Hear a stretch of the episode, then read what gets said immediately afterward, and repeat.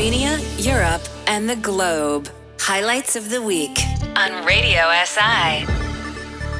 Hello and welcome to Highlights of the Week here on Radio SI. In the next couple of minutes, we'll take a look at what news has been making headlines in the past week. Thank you for joining us. Starting off with news from Slovenia. Two ministers this week faced votes of no confidence, and both survived them. Simona Kustec is staying on as Education Minister.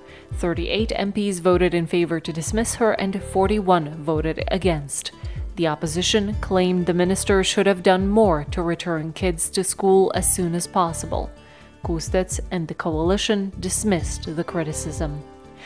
Janez Cigler Kralj, meanwhile, remains Labour Minister.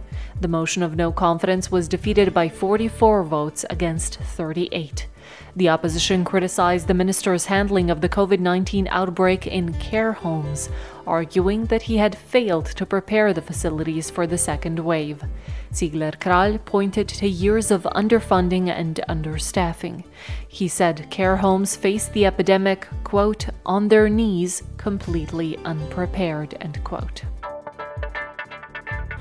Days before, on Sunday, a memorial service was held at the Žale Cemetery in Ljubljana to remember those who have died from COVID 19. One of the aims of the services was to express compassion with their relatives. The memorial service was held exactly one year after the first person with COVID 19 died in Slovenia. The government on Wednesday amended several COVID 19 decrees as part of its weekly review of measures, including allowing rallies of up to 10 people across the country, but did extend the 9 p.m. to 6 a.m. curfew.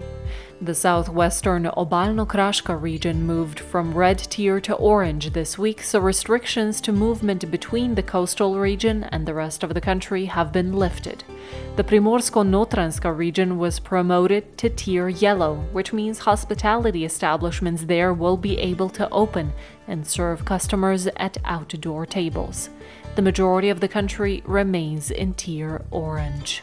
Highlights of the week on Radio SI. On the other hand, neighboring Italy reimposed coronavirus restrictions over three quarters of its peninsula on Monday, including Rome and Milan, after the UK variant brought a new surge in infections in the country.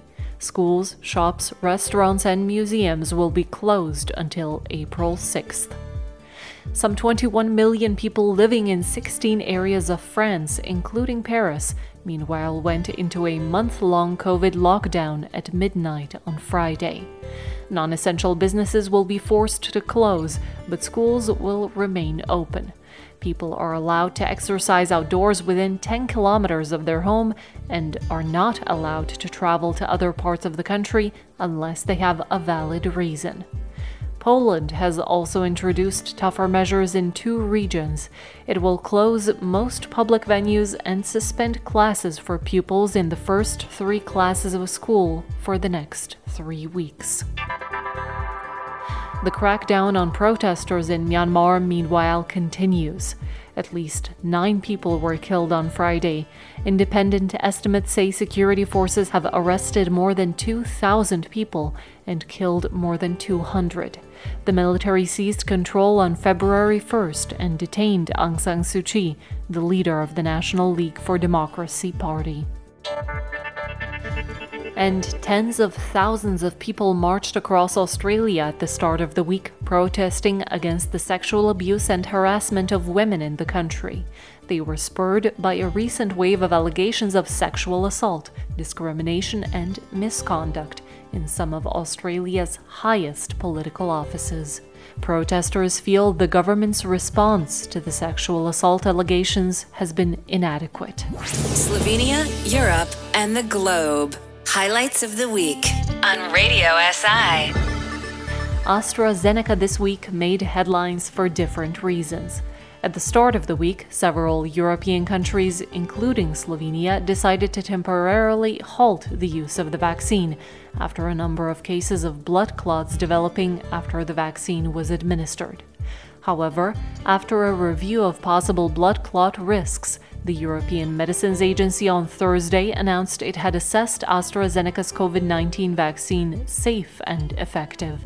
Chairwoman of the European Medicines Agency's Pharmacovigilance Risk Assessment Committee, Sabine Straus.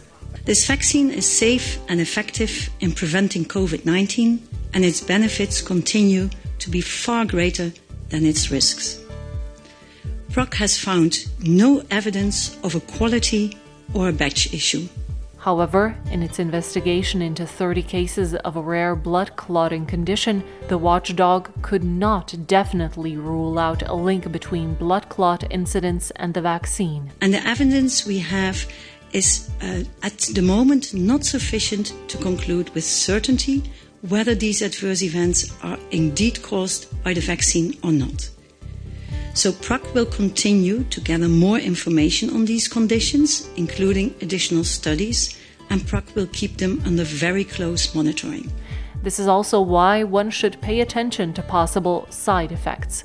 Dr. Mateja Logar, the head of the government's COVID 19 task force, said. Da je treba biti uh, dodatno uh, previden na morda pojav. Uh, Extra attention should be given to the occurrence of shortness of breath, chest pain, bruising, bleeding, pain in the legs, which are also swelling. These are all additional warnings to prevent the occurrence of more severe side effects. She called on Slovenians to get vaccinated with whichever vaccine is available to them. Following the European Medicines Agency's statements, several countries, including Slovenia, decided to resume the use of the AstraZeneca vaccine. Senior Slovenian politicians were among the first to get the AstraZeneca jab.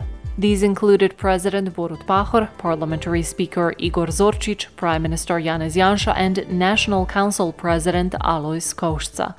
Pahor said he is convinced that enough people in Slovenia will get vaccinated so that Slovenians would be able to celebrate Statehood Day on June 25th together. Prepričan sem, da se bo cepilo tudi v naši domovini dovolj ljudi, da se bomo torej za dan državnosti skupaj veselili. The European Commission this week also discussed AstraZeneca for a different reason. It threatened to ban the exports of COVID vaccines to the UK in order to safeguard doses for its own citizens. European Commission President Ursula von der Leyen. In our contract with AstraZeneca, there are even two sites in the UK um, that are uh, put in the contract for potential deliveries, deliveries for the European Union. We're still waiting for doses to come from the UK. She also warned further restrictive measures on vaccine exports were on the table. We are in the crisis of the century.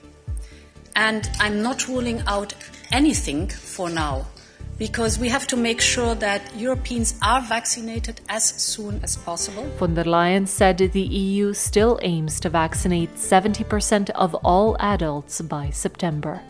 This does it for this week's edition of Highlights of the Week. Thank you for joining us. The most important news from Slovenia, Europe, and around the globe. Highlights of the Week. Saturdays at 225 on Radio SI.